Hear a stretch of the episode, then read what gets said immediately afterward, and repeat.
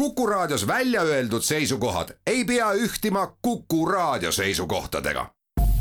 Te kuulate Kuku Raadiot.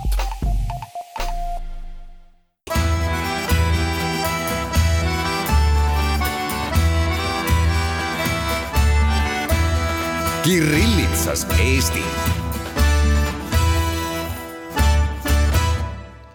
tere päevast, head raadiokuulajad, eetris on Kirillitsas Eesti, saatejuht nagu alati Pavel Ivanov. Ja tänase saate põhiteemaks,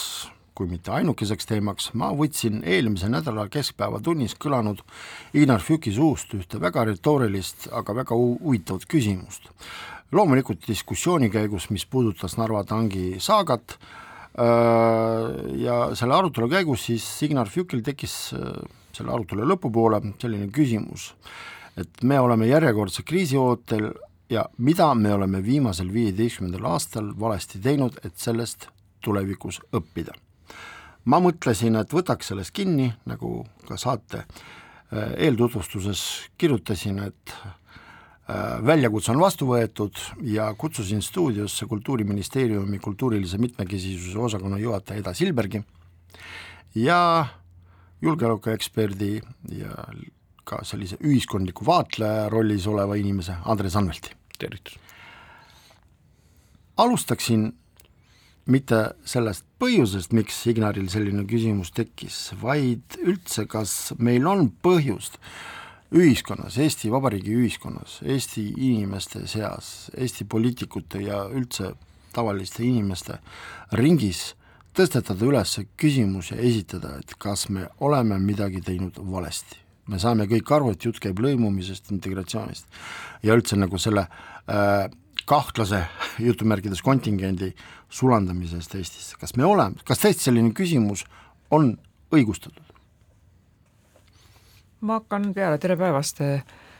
see, kas midagi on tehtud äh, valesti, õigesti, tagantjärgi tarkusega on alati midagi keeruline peale hakata. ehk et äh, pigem on küsida võib-olla sedamoodi, ehk et äh, kas oleks saanud teha midagi paremini, et ja, ja kas me saame nüüd õppida sellest, mida me teinud oleme või siis mitte. et see on nagu peamine see fookus, et ehk et eesmärk ei ole mm, siin mm, hakata kedagi süüdistama, vaid pigem on ikkagi meie eesmärk leida lahendusi. ja kui see Ignar Fjuk küsis, et kas me oleme mm, kriisi ootel, siis ühtegi kriisi me kindlasti ei oota. me küll peame olema valmis erinevateks juhtumiteks, aga kriisi ootel nii-öelda olla ei saa, ehk et äh, ja me loodame ka tegelikult äh, Narva, Narva teemal ehk Narva tanki teemal siis, et, et see ärevus, mis seal on, et ta siis, siiski ta ei eskaleeru ja ikkagi sellise rahumeelse lahenduseni jõutakse. jaa, tere päevast veel kord minu poolt, mina võtaks võib-olla natukene teisest aspektist, oleks ehk veidi kriitilisem, võtaks kui endine poliitik, kes on olnud ka, on olnud ka mitmes valitsuses, eks ju, Riigikogus, äh, ja vaadanud seda ka kõrvalt enne seda politseiametnikuna, äh, et tegelikult mis on meie probleem olnud, et väga paljud poliitilised ettevõtmised kiiremaks integratsiooniks, ükskõik, kas see on haridus või kultuurivaldkond, on kahjuks olnud tihtipeale tsüklilised, nii nagu ka meie poliitika ehk eh, valitsused vahetuvad tihti, mis on demokraatlikus riigis küll ka normaalne, aga eh, need pikemad perspektiivid tihtipeale, eh, mis on võetud näiteks mingisuguse eelmise valitsuse poolt tegevuskavana, arengukavana, lähevad kas ümbertegemisele või neid unustatakse lihtsalt ära, jäävad riiulile ja, ja tulemus on see, et see kogukond, kelle poole on suunatud see lõimumine, ta satub ise nagu ärevusse, et vaata, mis siis, mis siis, mis siis ongi, mis, milline poliitika on siis meie suhtes. noh, sedasama me näeme täna, eks ju, selles haridusest, eks ju, et, et et üheksakümnenda aasta alguses võeti lausa seadusesse, kirjutati sisse, et tuleb üle minna eestikeelsele haridusele ja nüüd me oleme siin kolmkümmend aastat hiljem ja hakkame, tundub jällegi nagu nullist pihta, eks ju, midagi on vahepeal tehtud, kas on edukas, see mitte, noh, ja, ja jääme selle juurde, et väga paljud need protsessid, mida me näeme eh, tänapäeval ju ka sealsamas eh, Narvas, kus ju täitsa eh, sellist noh, kuidas ma ütlen, muutumatut tee juba, kuna inimesed on äh, nagu selgelt teatud eas, eks ju, siis tekib niisugune konservatism ja teda on väga raske muuta äh,, kes äh, seda tanki peavad oma mingisuguseks ideoloogiliseks äh, vahendiks, siis sinna kõrvale tekkinud ka noored, me näeme seda ükskõik mis ürituste puhul. ja see on see probleem, nii et ma tahan öelda, et, et kindlasti me oleme teinud väga suure tee läbi ja mulle muideks rahustas täna, kui ma vaatasin, äh, see oli uudis ka, aga ma vaatasin Katri Raigi äh, sotsiaalmeedia postituks, eks ju, Narva see äh, sotsiaalplatvorm seeti.ee tegi uuringu ja kaks kolmandikku tegelikult tuli selle poolt, et tanki võiks sealt ära viia, teha museaaliks. see natuke mind rahustas, et tegelikult me oleme rohkem võib-olla astunud, kui me isegi siit Tallinna poolt tunnetame. mulle, mulle tundub, mulle isiklikult tundub, et see tulemus, et kaks kolmandikku on nõus sellega, et ta viiakse kuhugi teise kohta, on äh, õnnestunud kommunikatiivse taktika tulemus. Sellepärast, et üks asi on ikkagi see, et kui sulle sellest räägib kohalik võim ja okei okay,, sa ei pruugi, tähendab, linnapea ei pruugi sulle meeldida, aga vähemalt sa saad aru, et see on sinu enda kodukandi võimu esindaja ja number üks esindaja. Või siis teine kommunikatiivne äh, joon, mis oleks äärepealt vist realiseerunud, see on see, et kui tuleb äh, peaminister, ehk siis valitsuse esindaja, ehk siis kõige kõrgema äh, võimukandja, ja siis ütleb, et nii, meie siin Tallinnas otsustasime, et meie teie linnas Narvas teeme nii ja naa. et äh, selles mõttes oli minu meelest ikkagi kommunikatiivne võit ja ma arvan, et see oli see alus, miks miks ka kaks kolmandikku niimoodi nüüd suhtuvad, tõesti, ma olen sinuga nõus, see oli, kui ma eile ka nägin neid asju, et siis ma natukene üllatusin, et ohoh, aga et tõesti, see ongi nagu see, mida ma olen mitu korda rääkinud, et хорошее слово даже кошке приятно mm, -hmm. et kui sa nagu räägid, eks ole, sellest ise, tähendab oma koduinimene oma kodu elanikega, et siis see kindlasti mõjub teistmoodi. ma kindlasti tulen siia juurde sellega, et ehk et äh, hästi oluline lõimumise valdkonnas on olnud äh,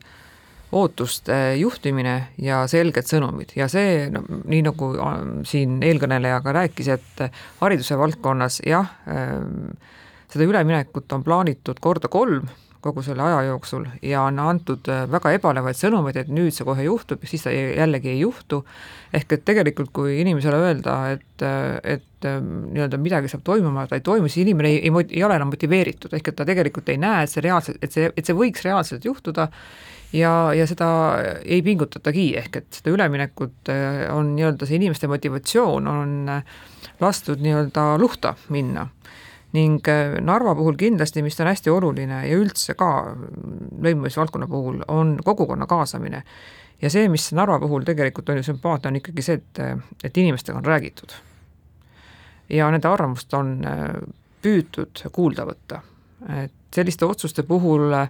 kindlasti ei saa olla tõesti see, et keegi kuskilt Tallinnast või keegi kuskilt mujalt kõrvalt ütleb, et te peate nii tegema, vaid tegelikult nende otsuste juures jah, kindlasti äh, on see, et tuleb see arvamus ära kuulata, see ei pruugi meeldida, aga seda tuleb kuulata. kas te olete nõus selle teesiga, mida on äh, ka ajakirjanikud välja öelnud, et kui sellest tangist ei oleks praegu hakatud rääkima, siis mitte keegi ei pöörakski sellele mingit, mingisugust tähelepanu, isegi Ukraina sõja kontekstis?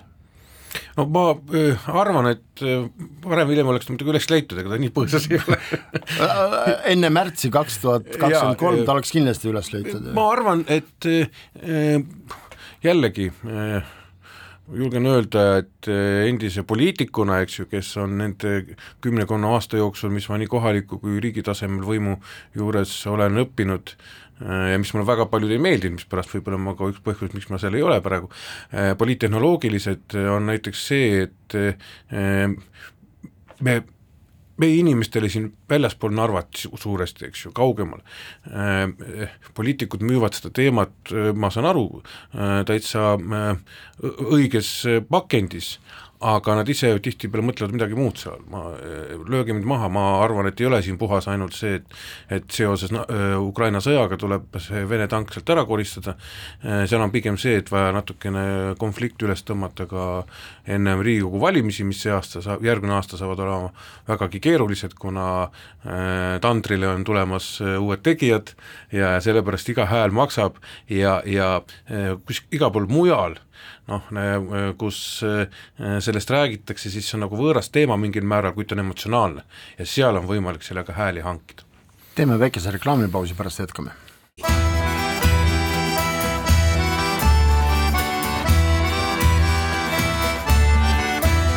Kirillitsas Eesti meie saade jätkub ja kui lõpetada konkreetselt see Narva tangi teema, siis mul on teile seoses sellega küsimus, et mis te arvate, mis praeguses hetkes oleks õige, kas äh, jätta Narva äh, sinnapaika ja selles mõttes, et las nad lahendavad selle asja ise ära, kui nad lubasid, nad sellega tegelevad ja teevad selle asja ära, anyway. või siis äh, keegi teine, ükstaspuha kes, kas mingi riiklik struktuur või siis äh, mingi muu institutsioon hakkab nagu protsessi sekkuma. Ma arvan, et Narval tuleb anda võimalus. Kindlasti. Ja kui praegu on Narva ise öelnud, et nad tahavad selle otsuse ise teha, siis äh, tuleb lasta nendel ikkagi ära otsustada. sest et äh, vastasel juhul on see ikkagi tegelikult äh, sekkumine, see on usaldamatus ähm, ja, ja praegu Narva ise on öelnud, et nad on valmis otsustama ja, ja ma nagu ikkagi annaks selle võimaluse, sest et ähm, ma ei, ma ei tea, mis siis tegelikult juhtuks, et mis see sõnum siis tegelikult oleks, et me, me tegelikult lõikaks sellega Narva täiesti ju Eestist ära, kui, kui me praegu Narvale võimalust ei anna. jaa, ma olen siin täitsa sama meelt sellest, kui ma veel nädal aega tagasi eh, siin omakeskis võib-olla mõne tuttavaga ka Ida-Virumaalt, Narvast eh, rääkides eh, noh, arutasime seda asja ja, ja, ja siis ei olnud ka veel selget sõnumit Narva poolt, eks ju, oli kõik see asi oli kuidagi selline äh, väga segane, tulid ainult Tallinna poliitikute, kõrgete poliitikute nõudmised, et tuleb kõik kuhugi ära viia hästi kiiresti ja ja, ja mis võib kaasa tuua kindlasti sellist mõttetut konfrontatsiooni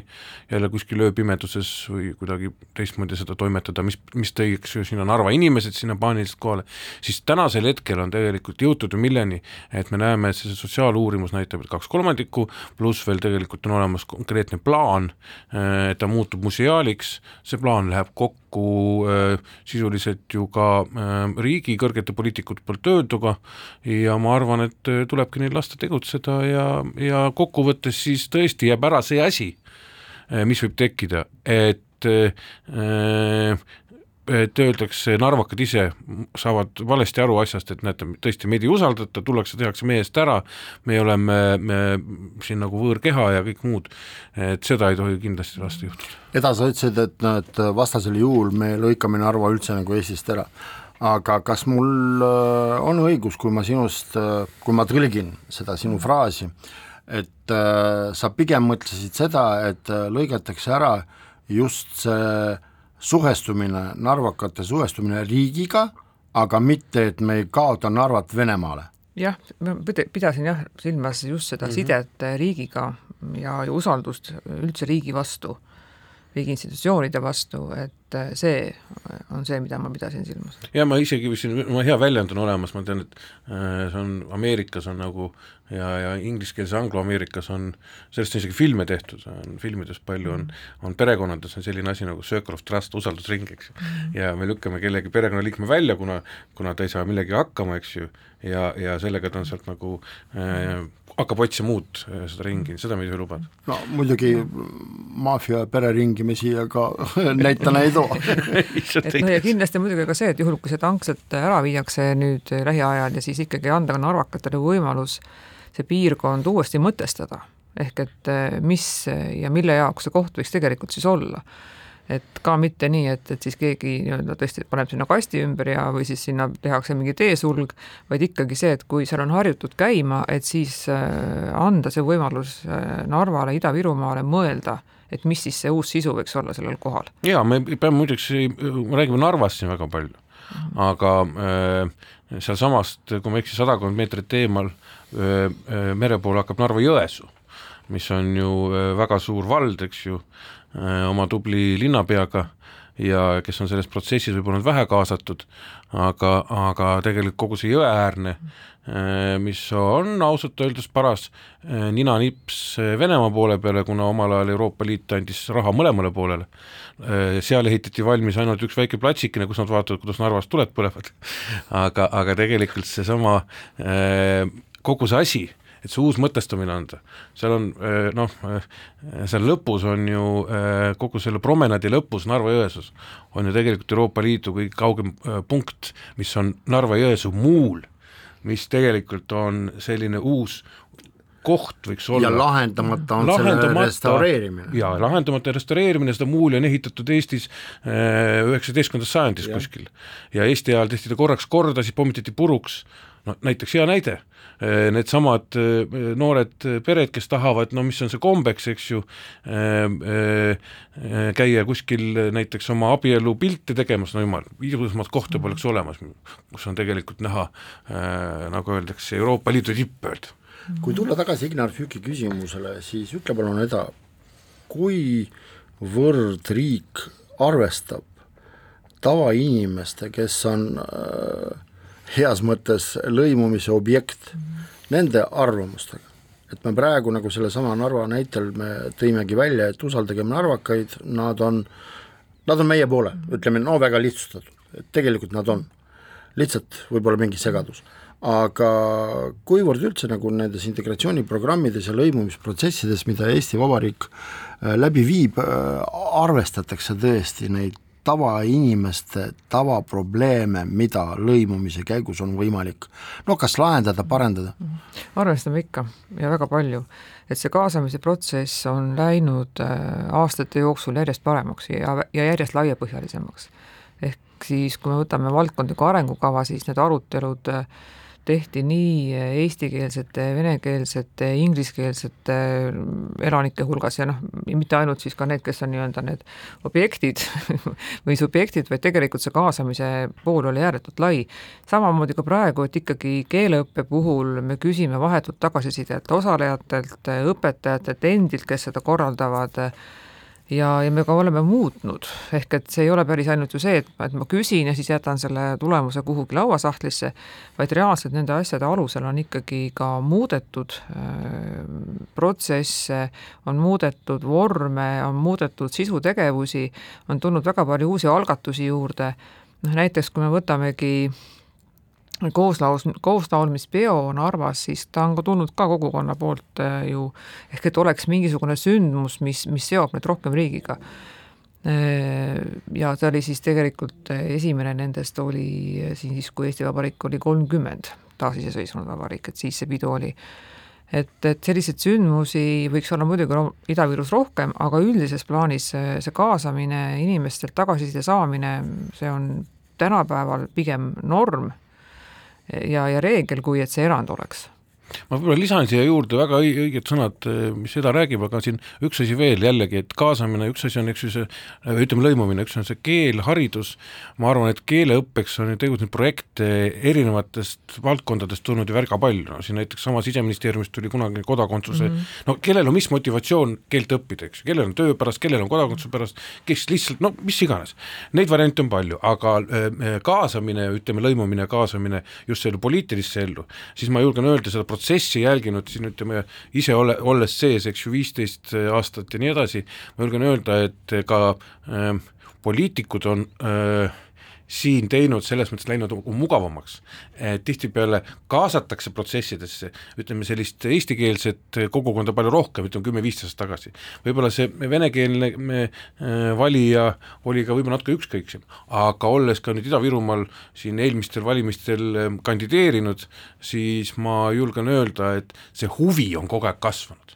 olla kaasas otsuste protsessi juures. see on, see on, ta jõuab järgi natukene aeglasemini, kui on, ütleme, Eesti kogukonnal võib-olla isegi mingi dekaad hiljem, kümmekond aastat hiljem, aga see vahe väheneb. ehk siin on inforuum ja, ja täpselt see, et poliitik kutsub ka tantsule, sest seda äh, tihtipeale ei ole olnud, et see on umbes on nagu võõras valija meil. ma olen sel teemal kuulnud ka kaks sellist suht ka retoorilist küsimust, et esimene on see, et aga kas vene kogukond siin Eestis tõesti vajab mingisugust riigi eri lähenemist, eri suhtumist ja teine, et kui seda suhtumist, erisuhtumist ei rakendata, kas siis nad tõesti kõik siis muutuvad päevapealt putinistideks? no kindlasti ma ei usu seda. esimest või teist? ei, ma ei usu seda, et esiteks oleks vaja mingit era, erakorralist erisuhtumist mm.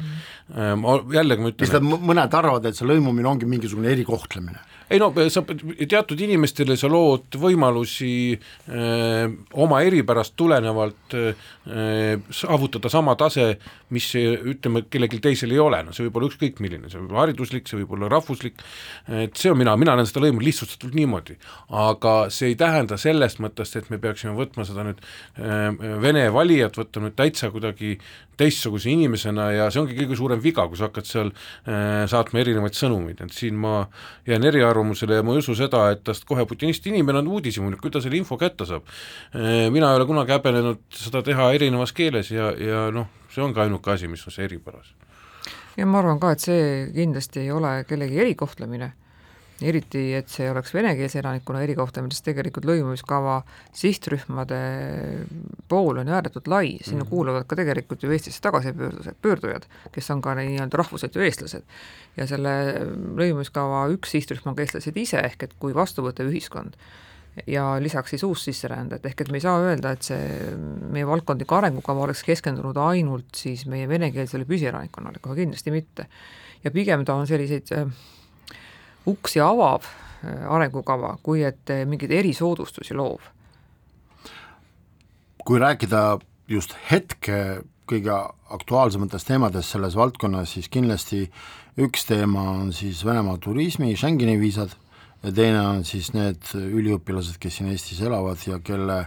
elamisõigus on äh, ohus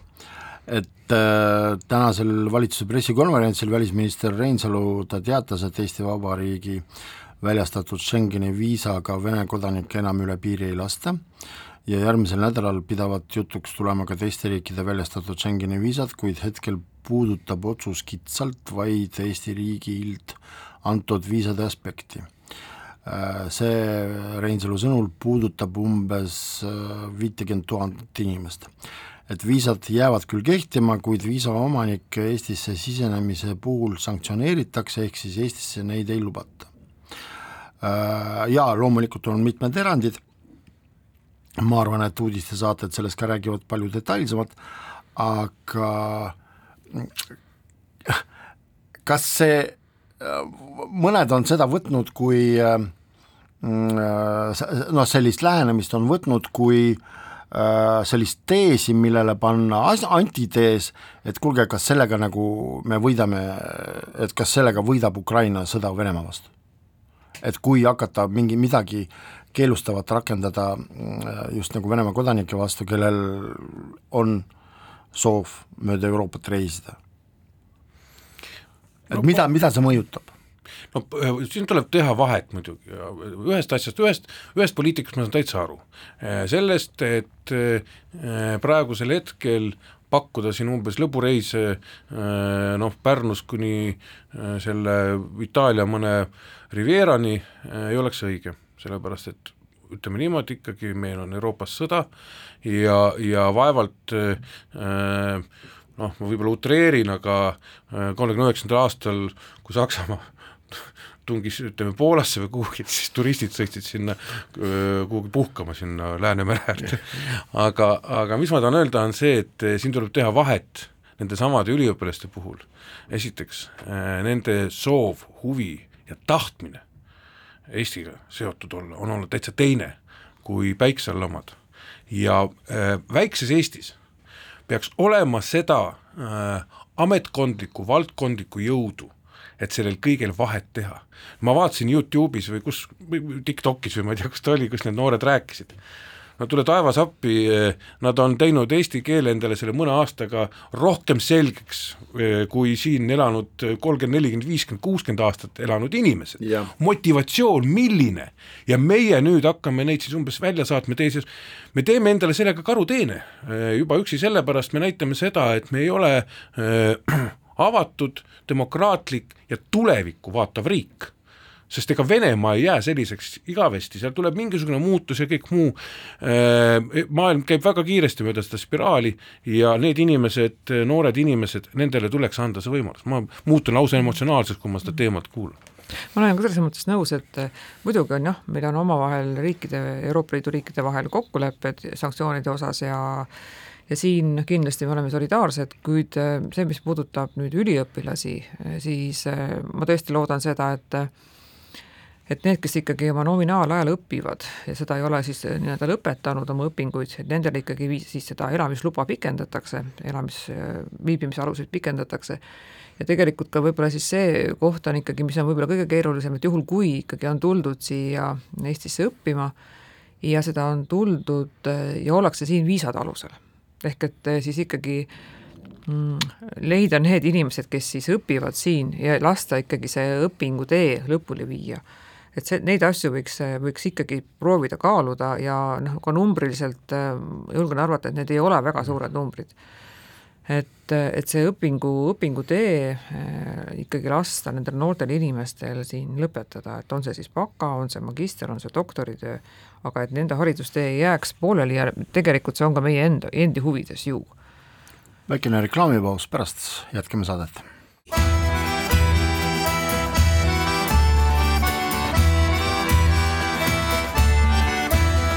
Kirillitsas Eesti. Jätkame saadet, stuudios on Eda Silberg, Andres Anvelt ja saatejuht Pavel Ivanov. on veel üks teema, mis on nagu lõimumisega seotud ja mis on läinud, ma arvan, et äh, integratsioonispetsialistide jaoks väga pinevaks. See on see, et äh, meil on äh, üle viiekümne tuhande Ukraina põgeniku. See on ju topeltväljakutse, esiteks nendega tegelemine ja nende lõimumine Eesti ühiskonda, vähemalt kas siis ajutiselt või siis mine sa tea, terveks eluks. aga teine asi on see, et eri gruppide omavaheline mitte just läbisaamine, see ei ole kõige tähtsam, aga see mm, suhtumisaluste väljatöötamine inimeste peades sellepärast et me võime suhtuda nii palju, kui me tahame, aga äh, ja suhelda nii palju, kui me tahame, aga ikkagi me ei saa üle ega ümber ja tunnistagem ausalt, et ega kõik Eestis elavad inimesed ei ole väga happy, nagu öeldakse, sellest, et äh, siin on äh, inimesed ka Ukrainast, sõltumata sellest, kas nad tulevad siia objektiivsetel põhjustel või mitte.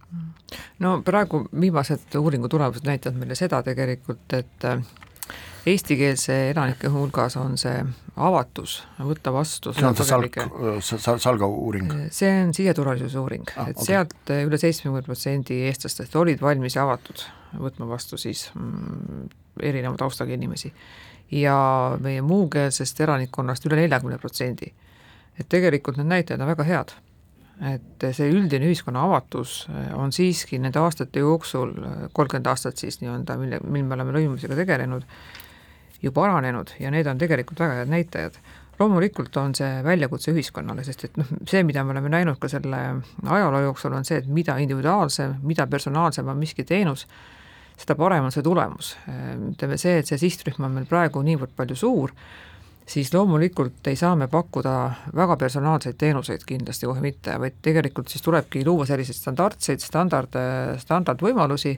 on see siis kas kohanemisprogramm paljudele suurtele sihtrühmadele, on see siis, kas me peame siis keeleõppegruppe näiteks suurendama, et see kindlasti võib vähendada tulemuslikkust. Et siin on neid väljakutseid loomulikult, et, et see, kes on otseselt siis meie valdkonna sihtrühm, on siis tänase hetkega ligikaudu kakskümmend kuus tuhat inimest, kes on siis saanud ajutise kaitse, kelle puhul meil on kohustus pakkuda nii kohanemisprogrammi kui siis ka keeleõpet aga loomulikult on see, et need miinimumid, mis on seotud, ei ole ju piisavad, ehk et keeleõppe puhul on see A1 tase ehk et algtase, aga kui me näeme, et inimene tõepoolest tahaks ühiskonnas osaleda, oma potentsiaali realiseerida, siis see vajadus on kuni ju B1-ni ehk et A2, B1 ka, et ja, ja taolisel juhtudel see, mida me kindlasti peaksime õppima eelnevastest, on see, et kui ikkagi inimesel on motivatsioon millegagi tegeleda, siis see võimalus tuleb anda, eriti keeleõppe puhul, et kui me tahame, et inimene jõuaks meie ühiskonda, osaleks meie kultuuriruumis,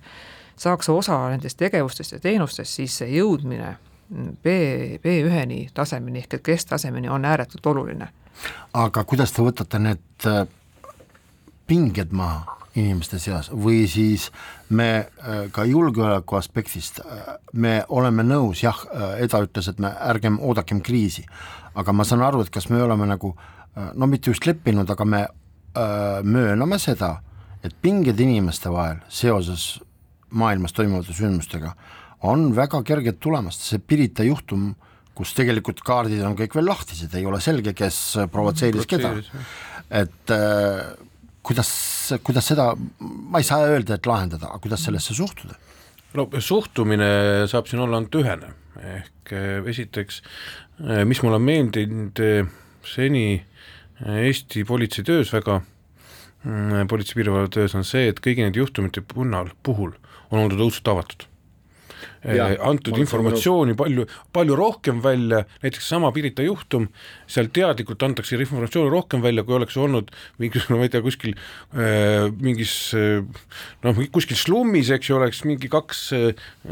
siis alkoholi tarvitatud inimeste seltskond omavahel tülli läinud no.. väikse remargina, eile Venemaa suursaadik Lipajev süüdistas Eestit, et näiteks vandaalitsemise juhtumid Nõukogude mälestusmärkide osas, et et neid väidetavalt siis üldse ei uuritagi, minu meelest äh, neist on täpselt samamoodi ka avalikult räägitud. jaa, muidugi, täpselt niimoodi ja ma arvan, et see avalikkuse ja vaata, asi on selles, et see jõuab, see informatsioon jõuab ju erinevates meediakanalites, sotsiaalmeedias, jõuab äh, inimeste peadesse erinevates kogukondades, erinevates perekondades, kindlasti seda arutatakse ja me näeme tegelikult ühte asja, ega praegusel juhul, mina, võib-olla ma olen liiga sinisilmne, aga ma julgen öelda seda,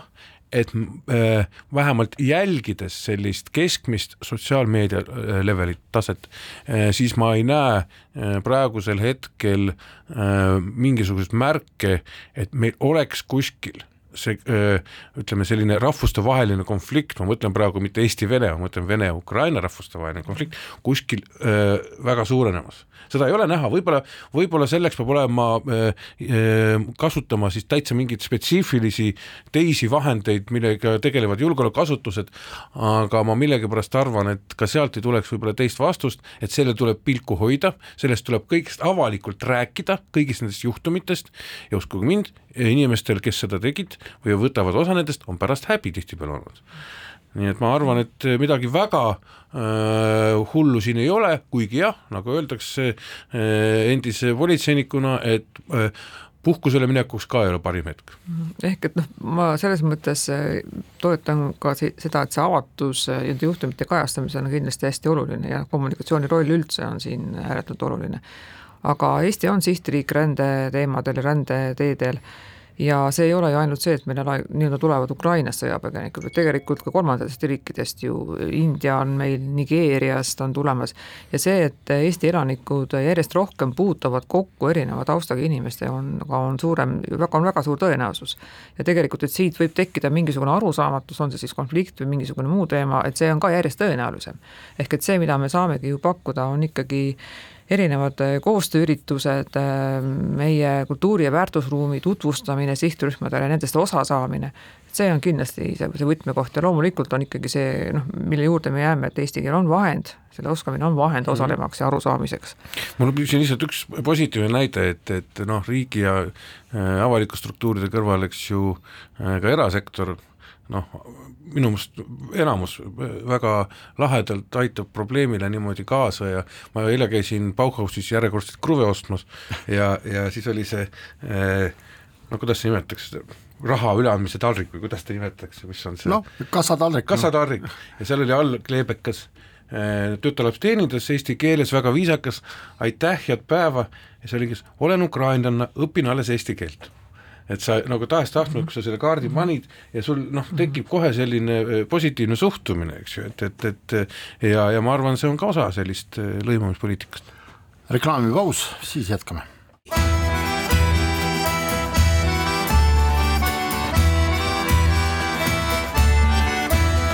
Kirillitsas Eesti meie saade jätkub ja ma saatejuhina ikkagi tulen tagasi Ignar Fjuki küsimusele. et kas me oleme midagi valesti teinud, Eda, ütle palun, kas sul on hingel mingi selline lõimumise äh, kas siis just moment või siis mingi meede, mida sa, mille pärast sul kui integratsioonispetsialistil oleks nagu, ma ei saa öelda, et kas siis täitsa piinlik, aga sa oleks muutnud seda? Ma noh, kindlasti oleks vaadanud seda, mida oleks saanud teha kodakondsuse teemaga. ehk et eh, toona, kui üheksakümnendate seal nii-öelda keskpaigast lõpus, eh, siis meil oli kodakondsuseta, määratlemata kodakondsusega isikuid oli, oli üle kolmesaja tuhande. tänaseks on see number kuuekümne viie tuhande juures, aga me teame, et ikkagi väga paljud eh, toona valisid Vene Föderatsiooni kodakondsuse lihtsuse pärast kusjuures. jah, et tegelikult äh, noh, ütleme see, et ma ei arva, et see siis see vähenemine, kodak-, määratlemata kodakondsusega isikute arvu vähenemine selle Vene Föderatsiooni kodakondsuse kaudu, võtmise kaudu oleks olnud meie edulugu. et kindlasti siin oleks võib-olla seda kodakondsuspoliitika peale pidanud võib-olla ehk et mõtlema. kusjuures sel nädalal me ju kuulsime, et Venemaa lihtsustab äh, Balti riikides näiteks elavatel venekeelsetel inimestel just Venemaa kodakondsuse saamise. aga mis, jah, aga mis sina kui endine siseminister oleks nagu lõimumise protsessis lähtudes oma julgeoleku aspektist teinud teistmoodi? no kindlasti jälle, ega see maailm on ju ja Eesti probleemid on sarnased, et ükskõik, kas on kultuurivaldkond või Siseministeeriumi valdkond, et et eks me alustas, alustasime ka mitut projekti, mis oli just seotud ju just kodakondsuse saamisega, sellepärast et kui sa ikkagi inimesele pakud, mitte ei tee seda nii väga lihtsaks täitsa niimoodi, et täitsa jagad seda kuskil, nagu Venemaa teeb seda puhtalt ideoloogilistel põhjustel, aga lood inimese neid võimalusi motiveeritada äh,, nii nagu see keeleõppeprotsess äh,, ma arvan, et seal oleks kindlasti võinud rohkem ära teha, mis puudutab ka näiteks näiteks lapsi, äh, laste suunas küll tehti mitu sammu, et, et et lapsed saaksid siin vabamad olla oma vanemate valikutest, äh, kuid jällegi äh, ma arvan, et, et ka see laste, nagu öeldakse, läbi hariduse kasvatamine selles suunas, mis ja kus ja kuidas ja, ja mis riigis ta elab, võib-olla siin oleks pidanud rohkem ära tegema. aga Siseministeeriumi poole peal ma võin öelda, et me integreerisime väga hästi, meil oli Sisekaitseakadeemias oli programmid nii ühes kui teises suunas, tulid noored Eesti poisid-tüdrukud politseisse õppima. Äh, politseinikuks, said vene keele õpet, tulid venelased, said täiendavat eesti keele õpet. Tõnis Lukas ütles, et see ei ole normaalne. see ei ole normaalne, aga see on elu, seda on vaja, sellepärast kui me saadame inimese tänavale, siis ta peab oskama rääkima mõlemat keelt, nii nagu Los Angeleses räägib iga politseinik, ta siis muidu tööle, kui ta ei räägi inglise, hispaania keelt, see on täielikult normaalne, kuigi riigikeel on inglise keel, nii et, et see on puhtalt äh, ütleme, elust enesest. aga kuivõrd me oleme kaitstud äh omavoli eest. et noh, ma ei saa nimetada viimast juhtumit, millest nagu ka press andis teada, kus siis selgus, et Ironmani korraldajad tegid oma selekteeringu, et keda lubada võistlusele, keda mitte ja see läks nagu natukene kodakondsuse järgi, aga kas, kas me jälgime, kas me monitoorime ka seda, et ei oleks neid ülepingutatud olukordi? Noh, kriisiolukorras tavaliselt, kui me ütleme, et on kriis, ma ei vaidle, aga ütleme see, et võib-olla keerulistel aegadel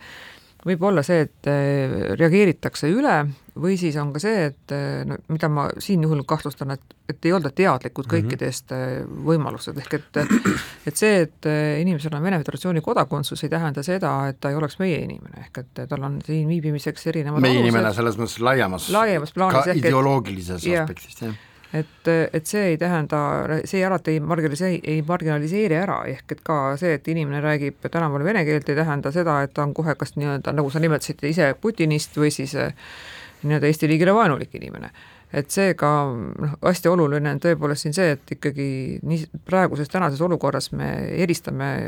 Vene, Vene Föderatsiooni ja Putini poliitikat ning siin elavaid venekeelseid inimesi, et me, meil ikkagi ei löö neid ühe mütsiga ja veelgi lihtsam tegelikult, ma, ma ütlen veel kord, ma ei ole selle Ironmani köögipoolega kursis, aga äh, kas ei pruugi olla äkki niimoodi, et kui sa teed oma ankeeti, see ankeetis on lihtsalt, pannakse kodakondsusega, kas sa oled alaline elanik või ei ole, siis see on nagu keeruline juba äh, administreerida. et äh, see võib olla täitsa puhas see viga, et aga mis sa arvad sellest, mida Läti arvas, et nad võiksid seda rakendada, et piiri peal, nojah, nüüd see vist langeb ära, aga põhimõtteliselt, et kui sa piiri peal Äh, täidad ankeedi ja kus sa nimetad, kuidas sa, tähendab, kui sa kirjutad, et kuidas sa suhtud Ukraina sõjasse, et kas see midagi annab? noh, ta annab äh, siseriiklikult annab võib-olla mingisuguse sellise eneserahulduse, aga, aga äh, julgeolekuliselt mitte midagi, sellepärast et ega äh, Stirlitz sisenedes äh, Saksamaale ei ütelnud ka, et ta tegelikult on Kremli-meelne. ja et tal portfellis on viinapudel ja lõpetame meie tänase saate siiski sellesama Inar Fjuki küsimusega, kas me pigem oleme teinud kõike õigesti ja võib-olla me ise, tähendab strateegiliselt me oleme käitunud võib-olla õigesti teoorias, praktikal mõned asjad äh, on äh, ebaõnnestunud või siis vastupidi, et me üritame olla väga äh,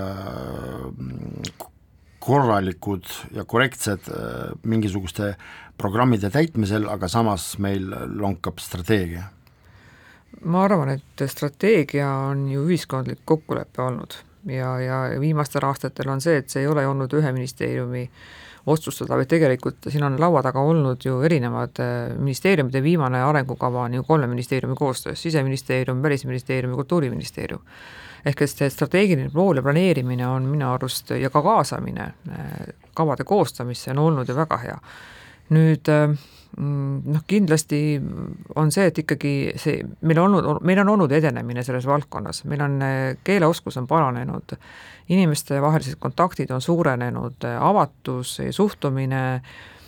vastuvõtva ühiskonnana on ju, ju palju parem,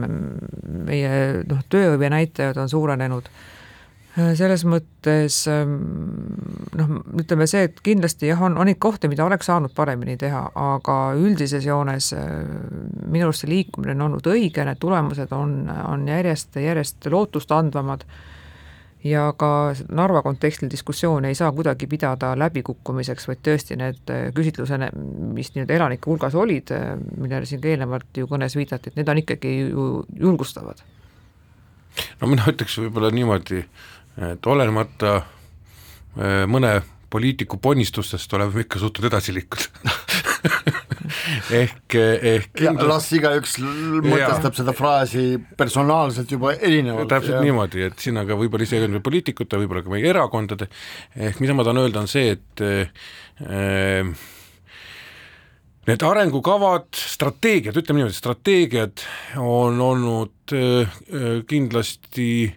tasemel Äh, probleem on olnud äh, nende poliitiliste allhoovuste prioriteetide seadmisest, mis on mõningad äh, strateegilised eesmärgid noh, pidurdanud või võtnud tahaplaanile, aga üldine suundumus on, ma arvan, et ma noh, jällegi eestlaslikult võib-olla siin natuke kiitlen, aga aga ma arvan, et me oleme teinud paremaid edusamme näiteks kui nii mõnigi meie kõrval asuv riik ja võib-olla lõpetuseks enda poolt üks äh, aktuaalses kontekstis üks soovitus, et las tõesti Narva lahendab selle tangi küsimuse ise, ilma igasuguste soovituseta, et paneme sinna, me teeme seda, me viime ta sinna, las nad ise otsustavad, uskuge mind, see aitab suhestada, nii kuidas ma saate alguses ütlesin, suhestada narvakatel enda äh, identiteeti Eesti Vabariigiga tuletan meelde, et stuudios olid Eda Silberg Kultuuriministeeriumist, aitäh, Andres Anvelt, saatejuht oli Pavel Ivanov, aitäh raadiokuulajatele,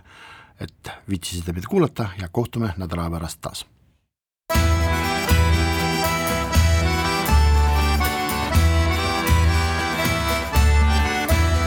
Kirillitsas Eesti